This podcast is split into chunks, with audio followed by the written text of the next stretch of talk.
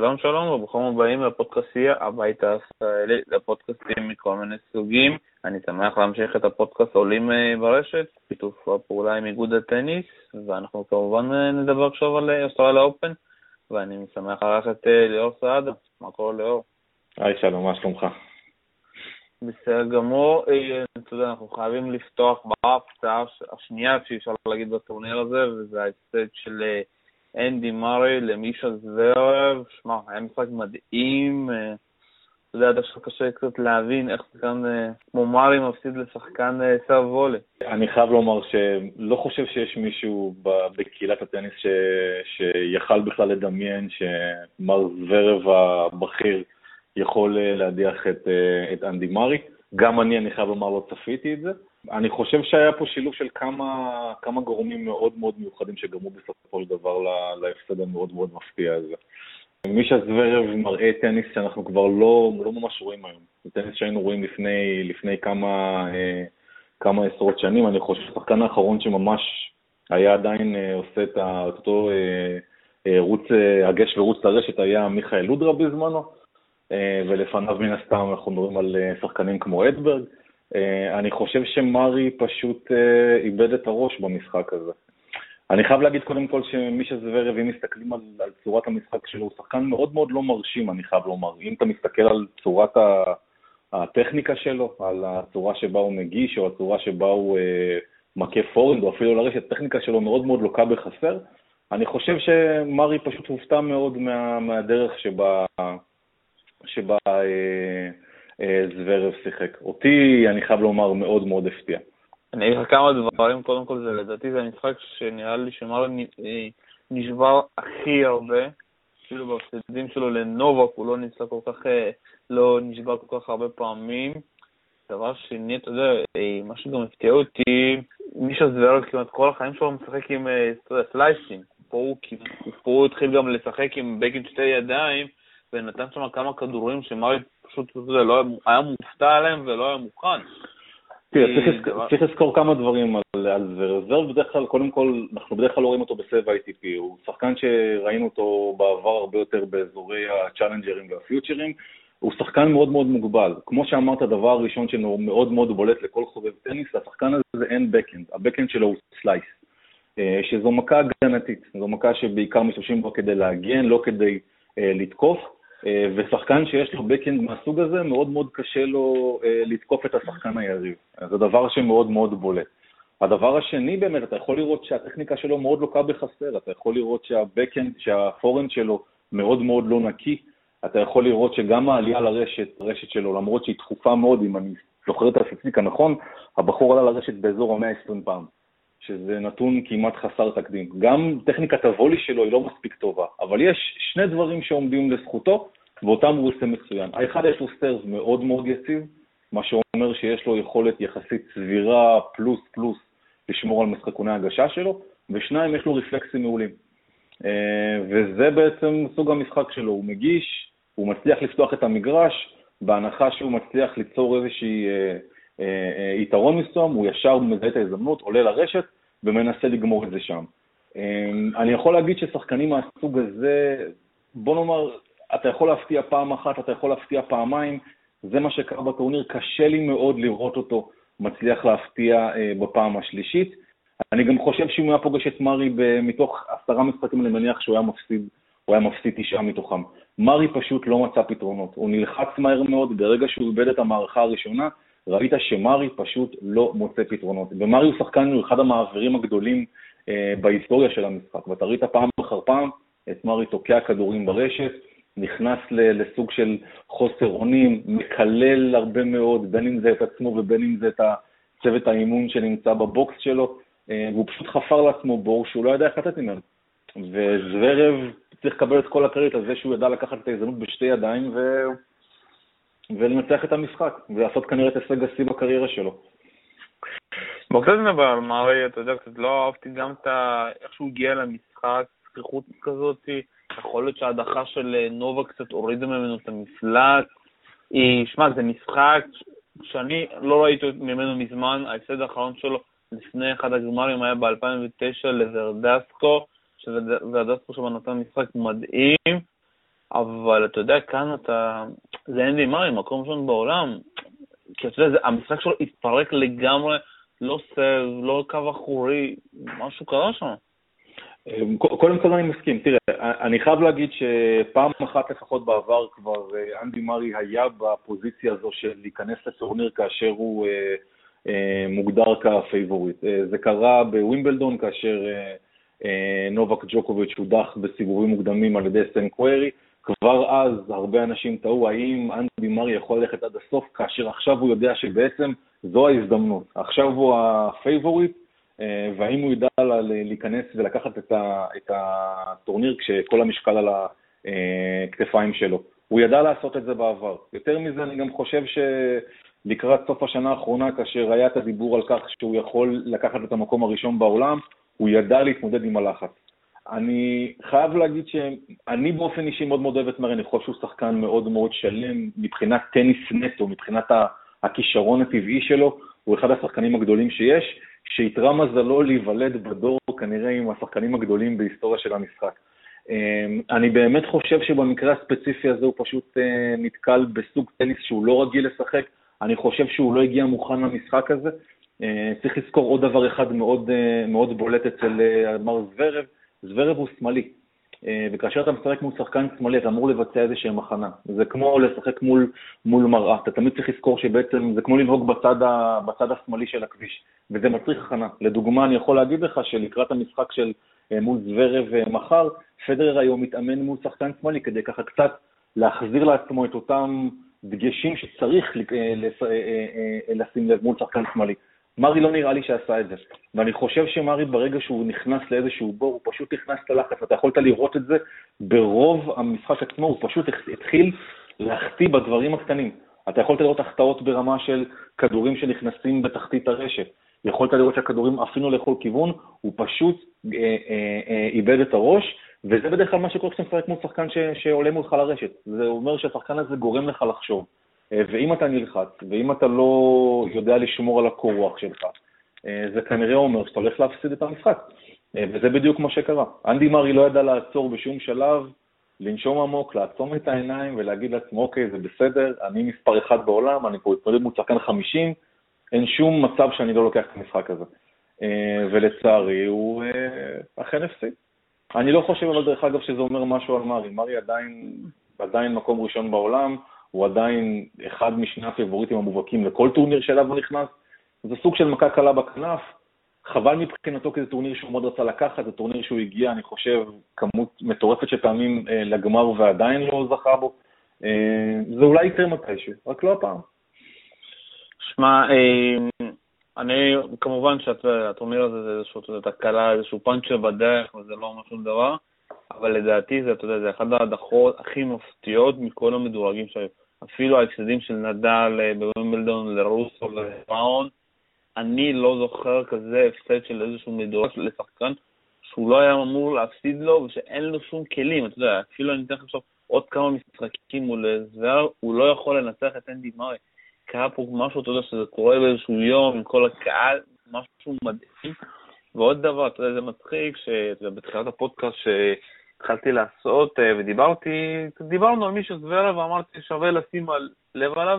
אתה יודע, גם אני לא האמנתי שהוא יגיע יותר מאחיו, וגם יגיע לרב הגמר, שזה, אתה יודע, לפעמים אתה לא יכול להבין איך זה מתחבר פתאום לשחקן, ואתה יודע, גם הכי מצחיק בעלונות, הוא אומר, שפתאום התחלתי להתאמן עם אחי הצעיר, אלכסנדר, ואני פתאום רואה שאני באותו רמה, אז אני מתחיל להבין שאני נמצא שם, פשוט צריך אה, להאמין בעצמי. וזה דבר מדהים. בואו קצת נתחיל לדבר על פדרר, אה, שהולך לפגוש את מישהו זוורב, צריך להזכיר, אה, המאזן בין שניהם זה 2-0 לפדרר, פעם אחרונה שהם נפגשו זה היה ב-2013, פעם אחרונה שזה נגמר 6-0, 6-0. מחר זה לא ייגמר ככה כמובן, אבל שיקרו לזה היה משחק נהדר של פדרר, שהוא נאבק בו בעיקר נגד עצמו, גם במערכה הראשונה שהוא חזר מ-5-1 והפסיד בסופו של דבר בשלוש שוויון, גם במערכה הרביעית, שהוא כמעט שבר וכמעט שבר, ופתאום, אתה יודע, לא כבשת, ספגת, ונישוקורי חזר. וכמובן המערכה החמישית, שהוא התאמץ לשבור על ההתחלה, ולא לתת שום סיכוי לנישוקורי לחשוב על איזשהו, אתה יודע, ניצחון במשחק הזה, והקביצה הזאת, אתה יודע, כולם הזכירו את הקבוצה הזאת בסיום, גם ככה היה באיזשהו טורניר בווימבלדון, החשק הזה של פדרר חזר לו, ואתה יודע, כולם אומרים, תחשבו מה יש לך ברבע, יש לך את מישה זברב ולא אנדי מארי, וזה נתן איזה עוד drive לפדרר. נכון. תראה, קודם כל, אני, אני חושב שזו אה, אחת מהפעמים הראשונות שבהם פדרר נכנס לטורניר כשאף אחד לא, לא ספר אותו באיזושהי צורה בכלל לשלבים הגבוהים. קודם כל, הבחור לא היה חצי שנה, לא היה חצי שנה בסבב, אה, ואין מה לעשות. כשאתה לא נמצא על מגרש ואתה לא משחק טניס תחרותי, זה אמור מן הסתם להשפיע. אה, ויותר מזה, הוא גם לא נבחן לפני הטורניר עצמו. הטורניר, המשחקים היחידים שהוא שיחק הם בגביע הופמן, שזה סוג של, אפשר לקרוא לזה אפילו סוג של משחקי ראווה, כך שלא יכולנו באמת לדעת מה, מה הרמה האמיתית של פדרר.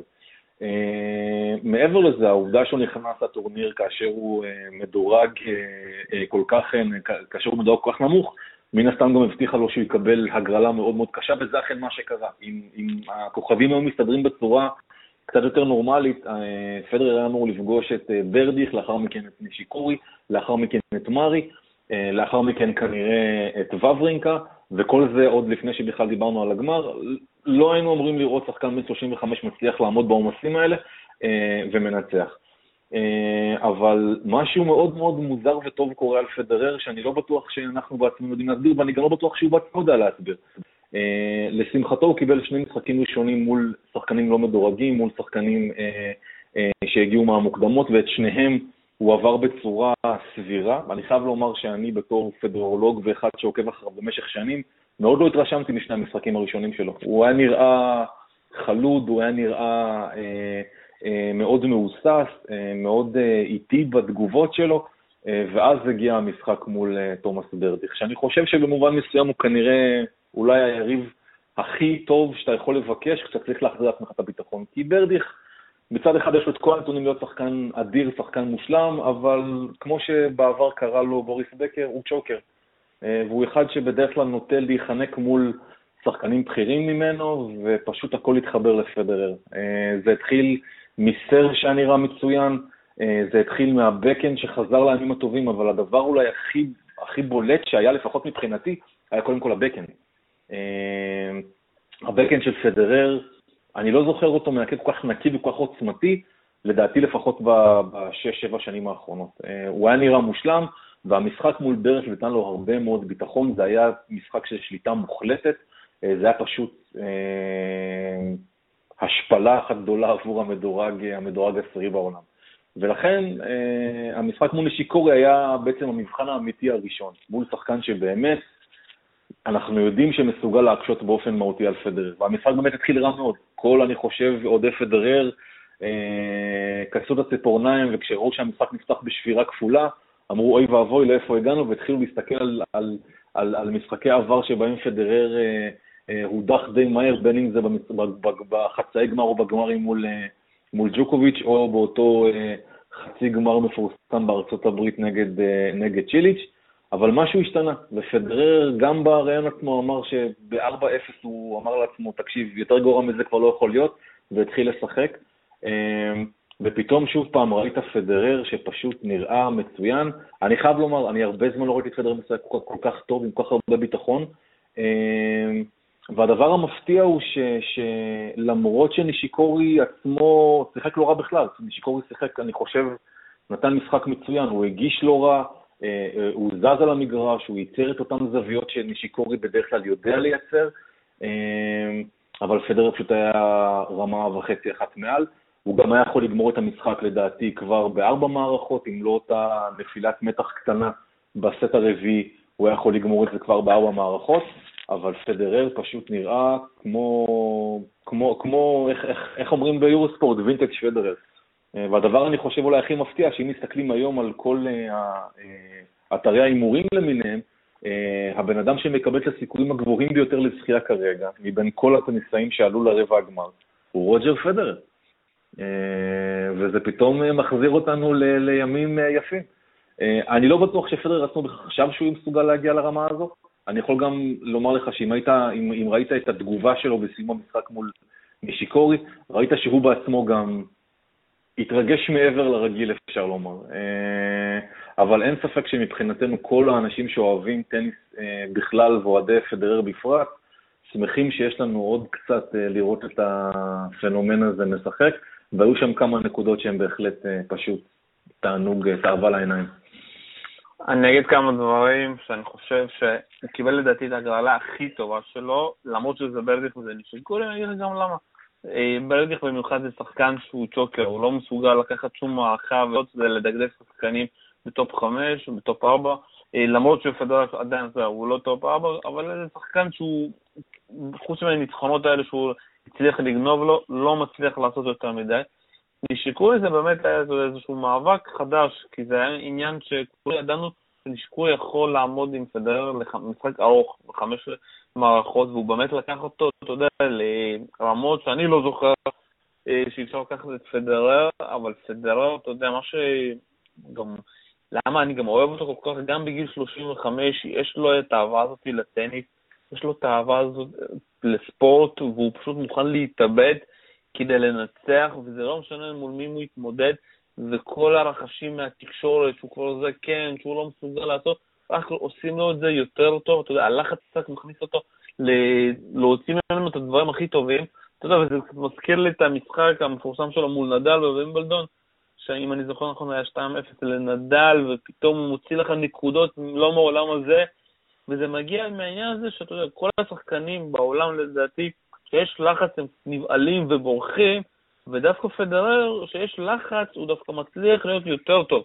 מצליח אה, להראות טניס יותר טוב, וגם רוב הפעמים פדרר נלחם מול עצמו.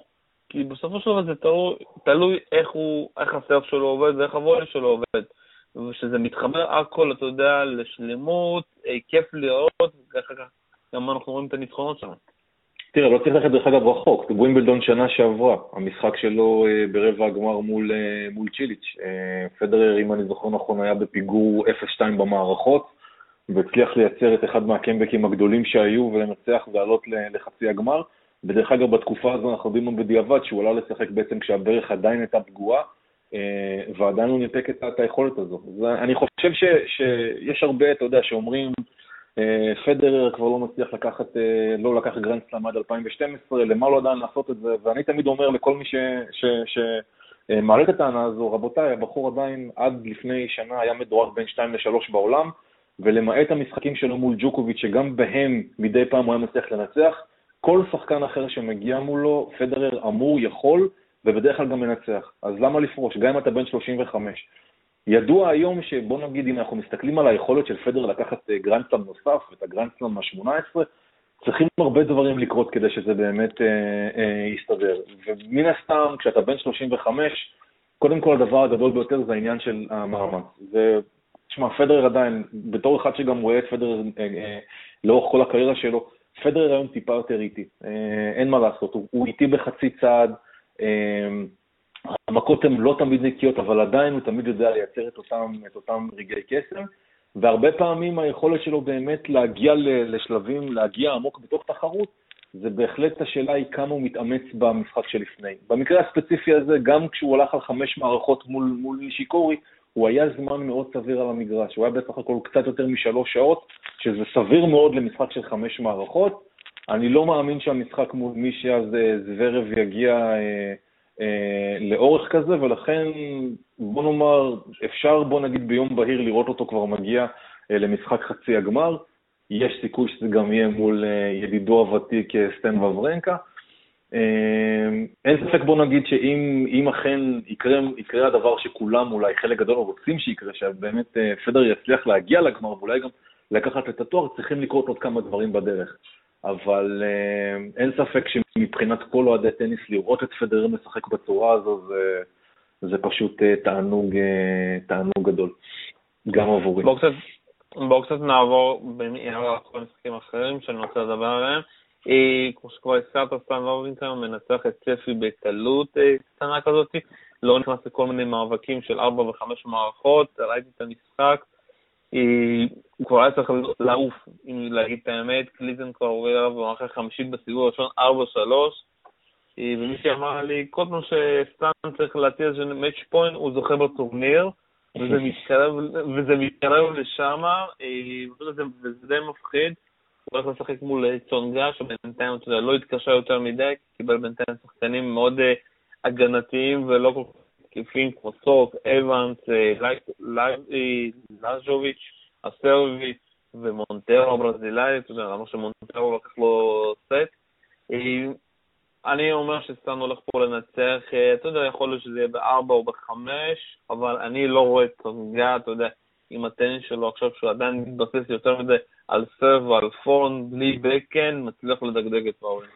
אני, אני מסכים איתך לחלוטין. סטן וברנקה, אני חושב, אחד מהדברים ש, שמאוד מאוד בולטים באופן כללי, והוא גם, אני חושב, אה, דיבר על זה אחרי הצחייה האחרונה שלו ב-US Open. סטן בדרך כלל הוא שחקן שלמרות שיש לו יכולות מדהימות, לא מאמין בעצמו באופן קרוב, הוא בדרך כלל נותן מאיזושהי בעיה של חוסר ביטחון. הוא גם סיפר לפני הגמר ההוא שהוא בעצם ישב בחדר הלבשה ובכה אה, מהלחץ, למרות שהוא יודע שאת המשחק יש לו. ומה שמדהים בדרך כלל אצל אה, וברינקה, שהוא בדרך כלל מתחיל טורנירים לא טוב. הוא בדרך כלל מתחיל אותם בחוסר ביטחון, והוא צובר ביטחון ככל, שה... ככל שהוא אה, נכנס יותר עמוק לטורניר, ובדרך כלל הוא מתחיל להעלות את הרמה שלו לקראת השלבים המאוחרים יותר, שזה בדרך כלל באזורים של השמינית וברבע. וברגע שהוא צובר ביטחון, אז הוא מתחיל להפוך לאותה מכונה בלתי נגמרת, סטן הוא שחקן ש, שכשמשחקים מולו, כשהוא באמת משחק את הטניס שלו, אין לו, אין לו, כמעט, אין לו כמעט אה, חסרונות. אין, הבקן מבחינתו זה, זה הצד החזק שלו, ולכן הוא שחקן מאוד מאוד התקפי, סופר מוכשר, אה, וכשהוא מרגיש ביטחון וכשהוא מרגיש משוחרר, קשה מאוד ל, ללא מעט שחקנים אה, לעצור אותו. סטן הוא שחקן של ראש, הוא שחקן של מנטליות, הוא שחקן של, של 0 ו-1, הוא מבחינתו בדרך כלל הולך נורא נורא התקפי, ולשחקנים התקפיים כמו סטן, אמ, יקרו אחד משני דברים. אם המשחק מתחבר לו, הוא יורה את הכדורים, הוא, הוא נראה נהדר וזה, כמו שאני נוהג לכנות, טניס מהחלל החיצון. אם הוא לא מחובר באותו יום, כדורים מתחילים לעוף, ובדרך כלל עפים גם כמה מטרים רחוק מקו הבסיס. אה, עד עכשיו סטן נראה סביר בטורניר, וככל שהמשחקים עוברים הוא נראה הרבה יותר טוב. ספי שחקן מאוד מאוד לא פשוט למעבר, למרות שהוא מדורג היום רק 89 בעולם, ולראיה, למרות שסטן ניצח בשלוש מערכות, שלושת המערכות האלה הגיעו שוברי שוויון. אה, אבל סטן נראה יציב, אני לא חושב שצונגה יכול אה, באמת לבחון אותו מעבר לכמו שאמרת, זה לקחת מערכה אחת. אם אני צריך כרגע להמר, אני חושב שאנחנו הולכים לראות חצי גמר כל שוויצרי, ופה זה כבר באמת שאלה גדולה מי באמת יכול לעשות את זה ולעלות לגמר. בוא נתקדם הלאה, נדל מול ראוניץ', נדל מצליח לעבור את המשוכה שנקראת מונפיס. ושמע, זה היה משחק קשה, ואני אגיד לך למה, כי אה, אה, לא בשתי המערכות הראשונות, שיחק טניס זוועתי, אה, לא היה איזושהי תוכנית משחק, ונדל נהנה. לא יודע מה קרה בסט השלישי, יכול להיות שנדל קצת יותר נבהל, יכול להיות פתאום הסף שלו לא נכנס. מונסיס התחיל קצת, אתה יודע, להכניס סרבים שונים, התחיל להפסיק, התחיל לעשות קצת פוזות לקהל, הצליח לגנוב את הסט השלישי, אבל בסט הרביעי נדל, למרות ש... נשבר בהתחלה, פשוט, יודע שהפורן של נדל נכנסת, הוא פשוט שם פרח ונהנה, ואתה יודע, נדל צריך להגיד תודה רבה להגרלה שלו, כי קשה לי להאמין שאם הוא מקבל פה איזשהו שחקן אחר, פה במקום מונפיס, היה לו קשה מאוד. וכמובן, אתה יודע, אנחנו חייבים להגיד שהמפנה של כל ההגרלה שלו זה הניצחון שלו על אלכסנדר זוורב, עם הפציעה שהייתה לו במערכה חמישית, כי אני לא, לא ציפיתי את זה, כי חשבתי שזוורב ינצח אותו. ושמע, נדל מול ראוניץ' זה וואחד משחק. אה, כן, זה משחק שיש לא מעט שצופים שדווקא מהצד הזה יגיע, יגיע האלוף הבא של אוסטרליה. תראה, אני חייב להגיד לך שההגרלה של נדל לקבל את, אה, אה, זוורב הצעיר בשלב יחסית כך מוקדם זה לא הגרלה פשוטה, ועובדה גם שהוא הצליח למתוח אותו כפי שהוא הצליח למתוח אותו. אני חושב ש, ש, שלא היינו רחוקים מלראות עוד מיני סנסציה בדמותה, בדמות אה, הדחה גם של נדל כבר אה, בשלב הזה. אני חושב שזוורב בעיקר, בעיקר סבל בעיקר מחוסר, מחוסר ניסיון. אני חושב שהוא היה יכול לקצר את המשחק טיפה יותר, לעלות לרשת במקומות שהוא היה צריך אולי קצת לקצר את הנקודה וללכת קצת יותר, לעשות לעצמו טיפה חיים יותר קלים. כי נדל מבחינתו יישאר על ה baseline ונצא לטחון אותך משם בדיוק כמו, ש, כמו שג'וקוביץ' רגיל לעשות. זה סגנון המשחק של בייסליינרים מובהקים אה, אה, כמו השניים האלה. אה, ובסופו של דבר, העובדה שהוא התחיל לקבל איזה שהם סוג של התכווצויות שרירים, גרמה לזה שבאמת המערכה האחרונה עברה עבור נדל בקלות. המשחק שלו מול ראוניץ' הולך להיות משחק מאוד מאוד מורכב. ראוניץ' נראה, אני חייב לומר, די מפחיד. אה, הסרב שלו נראה נהדר, הוא שוב פעם מנסה אה, לקצר את הנקודות ולעלות הרבה מאוד לרשת, דבר שדרך אגב הוא מאוד מאוד לא טבעי עבורו, כי הוא די גמלוני ו... ווולי זה לא בדיוק אה, טכניקה שהוא שולט בה בצורה מושלמת, אבל הוא נראה טוב, הוא נראה טוב, הוא נראה מפחיד. ולנדל הולכת להיות משימה מאוד מאוד קשה, זה משחק שיכול ללכת לכל כיוון. אמנם אני חייב לומר שהמשחק של אה, ראוניץ' היום מול בטיסטה הגות קצת גרם לי לפקפק ביכולת של ראוניץ' בגלל שהיו שם כמה שבירות מאוד מאוד לא, מאוד מאוד לא אה, אה, מוסברות אה, אה, של הספרדי, אה, אבל זה לגמרי משחק ש, שכדאי לשבת ולראות ולהכין את הגרעינים, כי יש סיכוי די סביר שמשם יעלה השחקן הבא שיגיע לגמר אה, מהצד הזה של ההגרלה. שמע, העונש שאתה מגיע למבחן הכי גדול שלו, נראה לי בכל הקריירה שלו, כי זה משחק בגמר שהוא חייב לקחת. הוא מגיע כפייבוריט גם מבחינת המיקום שלו, אה, וגם בגלל שאתה יודע שכל פעם שהוא מגיע למעמדים גדולים כאלה, אני אומר, זה ראוניץ' שהוא עדיין צעיר, יש לו עוד זמן. אין יותר, אתה יודע, הנחות שייתנו לו. זה או עכשיו, במיוחד בהגרלה שנוצרה, או לדעתי פעם הבאה, אבל הוא לא יקבל הזדמנות יותר גדולה ממה שיש לו עכשיו, ויהיה מאוד מעניין, אתה יודע, איך הוא יצליח להשתלב במשחק, כי נדל בכושר מעולה, אתה יודע, וכל ניצחון שלו על אנשים אחרים נותן לו עוד drive להגיע רחוק, ואחד השיפורים הכי גדולים של נדל, ואתה יודע, באוסטרליה לא פנותי, זה ה serve. ה serve הראשון שלו וגם השני שלו מאוד השתפרו, נותנים לו את הנקודות הקלות כדי שהוא יכול להמשיך, אתה יודע, לריב מהקו האחורי בסרבים של היריבים שלו. ויהיה מאוד מעניין אה, במשחק הזה. אה, ואתה יודע, בואו נדבר על רבע הגמר השני, לדעתי הכי משעמם שיהיה פה זה דוד גופין מול דמיטוב, גופין הצליח לעבור את טים. אה, אכזבה מאוד גדולה מטים, לא שיחק כל השבוע טניס יותר מדי מעניין, היה מאוד הגנתי לדעתי, ואתה יודע, והשחקן הזה מתקשה להתקדם הלאה ולהראות שהוא יכול להגיע רחוק. מצד שני, דמיטוב ניצל, אתה יודע, פציעה של איסטומין שפתח אה, במערכה הראשונה מעולה, אבל אחרי זה במערכה השלישית כבר בקושי זז, ודימיטוב לקח אותו 6-2, 6-1. זה משחק מוזר כזה היה, כי חשבתי דימיטרוב ינצח אותו בשלוש אה, קלילות. ושמע, אני דווקא הולך פה על דימיטרוב, ואני אומר, אם דימיטרוב יגיע לחצי גמר, יכול להיות שאנחנו רואים פה איזשהו שינוי, ופתאום יש לנו באמת baby פדרר? אמ, יש, יש אפשרות כזו, אני חושב ש... תראה, קודם כל אם לוקחים את המשחק, את המשחק הראשון שאתה ציינת, את אה, גופן, אה, את גופן אה, וטים, אז בהחלט הם שני החבר'ה היחסית צעירים, למרות שגופן קצת מבוגר יותר מטים, הם באמת עשו גם את הפריצה בשנה האחרונה, להתקרב לתוך ה top 10, טים גם נכנס לתוך ה top 10, אם עדיין סובל מבעיות של חוסר ניסיון מסוים, אני חושב שהוא גם מעמיס על עצמו יותר מדי מבחינת הטורנירים שאותם הוא לוקח, הוא שיחק המון בשנה שעברה, ואני חושב שחלק מהטעויות שהוא עדיין מראה במהלך המשחקים שלו עדיין עולים לו אה, יותר מדי. וגופן, תקשיב, הוא שחקן, קודם כל יש לו טניס יפהפה, לא מספיק עוצמתי, אה, אבל אני חושב שגופן בהחלט עשה איזושהי קצת מדרגה, על אף שאני חייב לומר לך שאני חושב שהוא בסוג של תקרת זכוכית מבחינתו. אני לא רואה אותו מצליח להתקדם מעבר למיקומים הנוכחיים שלו, אה, וזה הזמן באמת לדבר על דמיטרוב. דמיטרוב קודם כל באמת, כנראה, אולי אפשר לומר שהוא הוכרע בחלק הצעיר יותר של, של הקריירה שלו אה, מהציפיות, זה שקראו לו baby פדרר, ציפו ממנו להרבה והוא לא הצליח לספק את הסחורה. ולאט לאט אנחנו מתחילים לראות איזושהי חזרה שלו, בין אם זה התואר שהוא עשה אה, בבריסבן, אה, ובין אם זה בצורה שבה הוא משחק. כרגע הוא משחק נפלא, הוא משחק אה, יפהפה, הוא, הוא, הוא רץ על המגרש והוא נראה מאוד מאוד, ה backhand שלו נראה נהדר, ה forehand שלו נראה נהדר, הוא לפעמים נותן התלהבות יתר, ואתה יכול לראות שלפעמים פשוט מנסה יותר מדי. אחת מהבעיות הגדולות שלו זה לפעמים הוא צריך לעשות מה שנקרא קצת להוריד את הווליום, ולדעת קצת לשחק בצורה טיפה יותר פחות להראות, פחות להיות שואומנשיפ ויותר לשחק את הטניס הפשוט שהוא יודע לשחק, כי כישרון הוא כישרון אדיר. אני חושב כמוך שדמיטרוב כנראה יעבור את, uh, את, ה, את המשוכה הזו, uh, את המשוכה הזו שנקראת דוד גופן, אבל אם אני צריך כרגע להמר, אני חושב שהמנצח מבין המשחק, בין uh, דוד גופן לבין דמיטרוב, ייעצר מול המנצח בין ראוניץ' לבין נדל. זו הערכה שלי. רוב הסיכום שזה מה שיקרה, אבל אני חושב, תלוי גם איזה מאצ'אפ יהיה.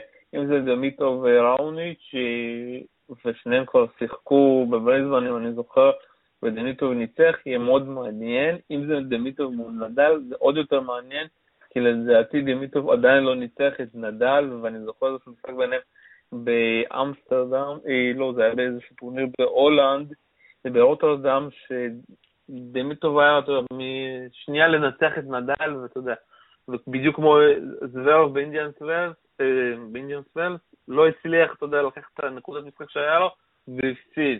אז שמע, אני, יהיה מאוד מעניין ברבע הזה מי יגיע רחוק.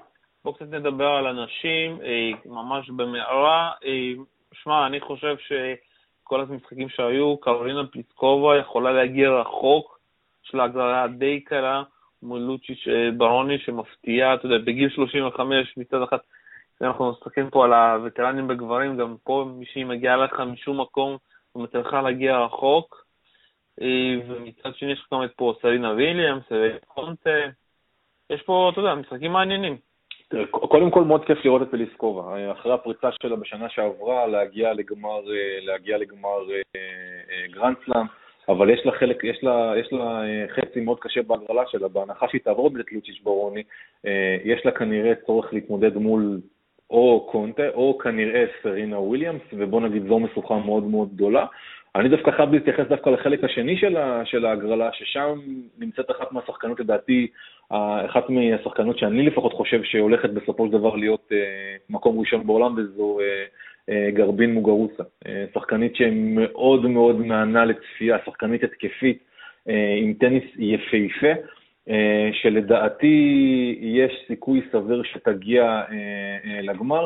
הבעיה עם אוגרוזה זה בעיה שקורית להרבה מאוד שחקניות צעירות שלוקחות גרנדסלאם, היא לקחה את הרולנד גרוס בשנה שעברה ומאז כנראה לא מצליחה להתמודד עם, ה, עם הציפיות ממנה ועם ה, עם הצורך לראות אותה באמת מצליחה כמו שצריך. אני חושב שיש לה סיכוי מאוד מאוד סביר להגיע לגמר.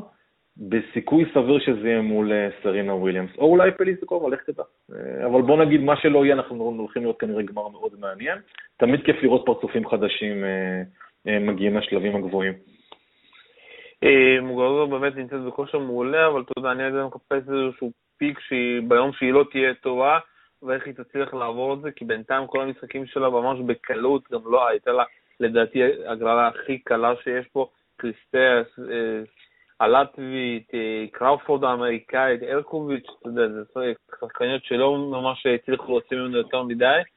מצד שני, אני מצפה למשחק אה, מחר בין סרינה וויליאמס לג'ואנה קונטה, לדעתי זה אחד המשחקים הכי טובים שצריכים להיות כאן, כי קונטה נמצאת בכושר מדהים, מנצחת את מרקרובה בקלות 6-1, 6-4, מנצחת את פוז'ניאקי 6-3, 6-1, לא התקשתה כמובן לא עם אוסקה ולא עם פליקנס הבלגית, אה, ויותר מזה, היא גם, מחזיקה, היא גם מחזיקה עכשיו את כל התקוות של העם הבריטי על הכתפיים שלה, אחרי שגם אנדי מארי וגם דן אבנס אה, הודחו בשלבים המוקדמים. אין ספק שהיא נראית אה, מדהים, אה, ויהיה מאוד מאוד מעניין לראות איך סרינה וויליאמס מתמודדת עם הלחץ, כי אנחנו יודעים שסרינה כבר לא, כבר לא יכולה להראות את אותן יכולות ואת אותן עוצמות שהיא הראתה בשנים, בשנים עברו. היו לה לא מעט הדחות מאוד מוקדמות, וסרינה מאוד מאוד רוצה להמשיך אה, אה, ולהגיע אה, לשיאי הגרנדסלאם שתמיד דיברו שהיא מסוגלת להיות בהם. אני חושב שזה בהחלט משחק לצפייה, למרות שאני אישית קודם כל הולך מן הסתם לראות את פדרר נגד זוורב בתור אוהד פדרר מובהק, אבל אין ספק שהולך להיות מאוד מעניין בחלק הזה של ההגרלה. אני אגיד לך עוד משהו שזה מאוד מעניין, ששחקנית כמו פלינה צריכה להגיע לטורניר הזה, שדווקא את המאבקים הקשים היא עשתה בהתחלה. בנצ'יץ' וספרווה זה ההגרלות הכי מוזרות והכי קשות שמודרגת במקום שאני יכולה לקבל. ופתאום לקבל את גיבס וסרצ'קובה באמצע כזה זה גם קצת מוזר, סרצ'קובה היום היה קצת קשה, ואז לקבל את קונטה יהיה מאוד מעניין. אני מסכים איתך בעיקר כי טניס הנשים בניגוד לטניס הגברים הוא הרבה פחות צפוי. אה, אתה לא רואה את היציבות שבדרך כלל יש בטניס הגברים, את אותם אתה בדרך כלל תמיד רואה פרצופים מתחלפים, ולכן יכול לקרות מצב שבו מדורגת גבוהה יחסית מקבלת שחקנית שהיום מדורגת נמוך, אבל על פניו היא הרבה מעבר ל... הרבה מעבר למה שהדירוג שלה מראה. זה קורה לא מעט בטניס הנשים, זה מצד אחד אולי הדבר היפה בו, כי זה אומר שיש לך הרבה יותר הפתעות והרבה יותר פודקאסים חדשים. מצד שני, אתה יודע, זה גם מראה על איזושהי, איזושהי חוסר יציבות מסוים, ואולי זה גם אומר משהו על, על טניס הנשים היום, אבל בכל מקרה, כיף גדול זה תמיד. בזה אני מסכים איתך. עוד איזשהו משהו פרט שאתה רוצה לדבר? בנשים? אמ, לא, לא, אני, אני בכל אופן חושב עוד פעם שמוגרוסה היא אחת שצריך להסתכל עליה מהצד השני של ההגרלה, היא עוד פעם סוג השחקנות ההתקפיות מאוד, ושחקן התקפי כשהוא מתחבר זה נראה מדהים, אה, ועד עכשיו היא מחוברת מאוד, אני חושב שהיא יכולה להיות קונטנדורית מאוד מאוד רצינית אה, לתואר אה, באוסטרליה השנה. לגבי הצד השני, אני חושב שכמו בגברים, אני חושב שהרבה מאוד אנשים כרגע מפנטזים אולי לראות עוד לפחות פעם אחת גמר גרנדסלאם בין, אה, בין נדל אה, לבין פדרר. אה, נצטרך להמתין עוד קצת בסבלנות כדי לראות האם באמת זה יתקיים. זה מה שמפתיע אותי, שדווקא ההדחה של קרבר, אתה יודע, הייתה מאוד, באופן כזה, עבר ברעש כזה קצר, אתה יודע, אחרי שדיוקוביץ' ומרי עפים, אז מה זה, קרבר, זה משהו פשוט מדי. וכמו שחשבתי בהתחלה, מאוד קשה, אתה יודע, למקומות ראשונים, או לשחקניות שזכות בגרנד סלמים, לבוא ולהתמודד עם הלחץ, גם התקשורתי, גם העצמי, כי כולם מצפים ממנה. ואתה יודע, בסופו של דבר היא הפסידה במשחק, אתה יודע, שהיא אמרה שהיה לי יום רע במשרד, וחבל. נכון, אני גם חושב שבאיזשהו מקום זה גם אולי מראה עוד פעם עד כמה הדור, הדור הזה של ג'וקוביץ', נדל, פדרר ומרי הוא דור נדיר. זה ארבעה שחקנים ש, שמסוגלים במשך תקופה כל כך ארוכה להגיע טורניר אחר טורניר לשלבים של חצאי גמר, וגמר, להיות קונסיסטנטים, להישאר ב top. אה, אני חושב שאנשים לא תמיד יודעים להעריך עד כמה קשה אה, הדבר הזה, אה, ורק להעריך את זה. שוב, אני, אני, לא, אני לא מכיר הרבה ענפי ספורט שבהם יש שחקנים שמצליחים לשמור על כזו רמה של דומיננטיות למשך כל כך הרבה שנים. זו גם הסיבה שההדחות של, כמו של ג'וקוביץ' ושל מרק כל כך מפתיעות וגורמות לסוג של רעידת אדמה בעולם הטניס. אמ, אבל שוב, אתה יודע, אולי זו תקופה שמראה על אה, איזה שהם חילופי דורות וקצת, אה, אתה יודע, קצת אה, שינויים ופנים חדשות בעולם הטניס, אני חושב שזה משהו שכולם ישמחו לראות אותו. טוב, כאן אנחנו נסיים את הפודקאסט שלנו עולים ברשת. תודה רבה לך, ליאור סעדה. תודה רבה לך, שלום. צפייה מהנה. כמו שאומרים, לכו תצפו טניס ותבריזו קצת מהעבודה, לא יקרה שום דבר. בדיוק, תבלו. Bye. Bye. Bye.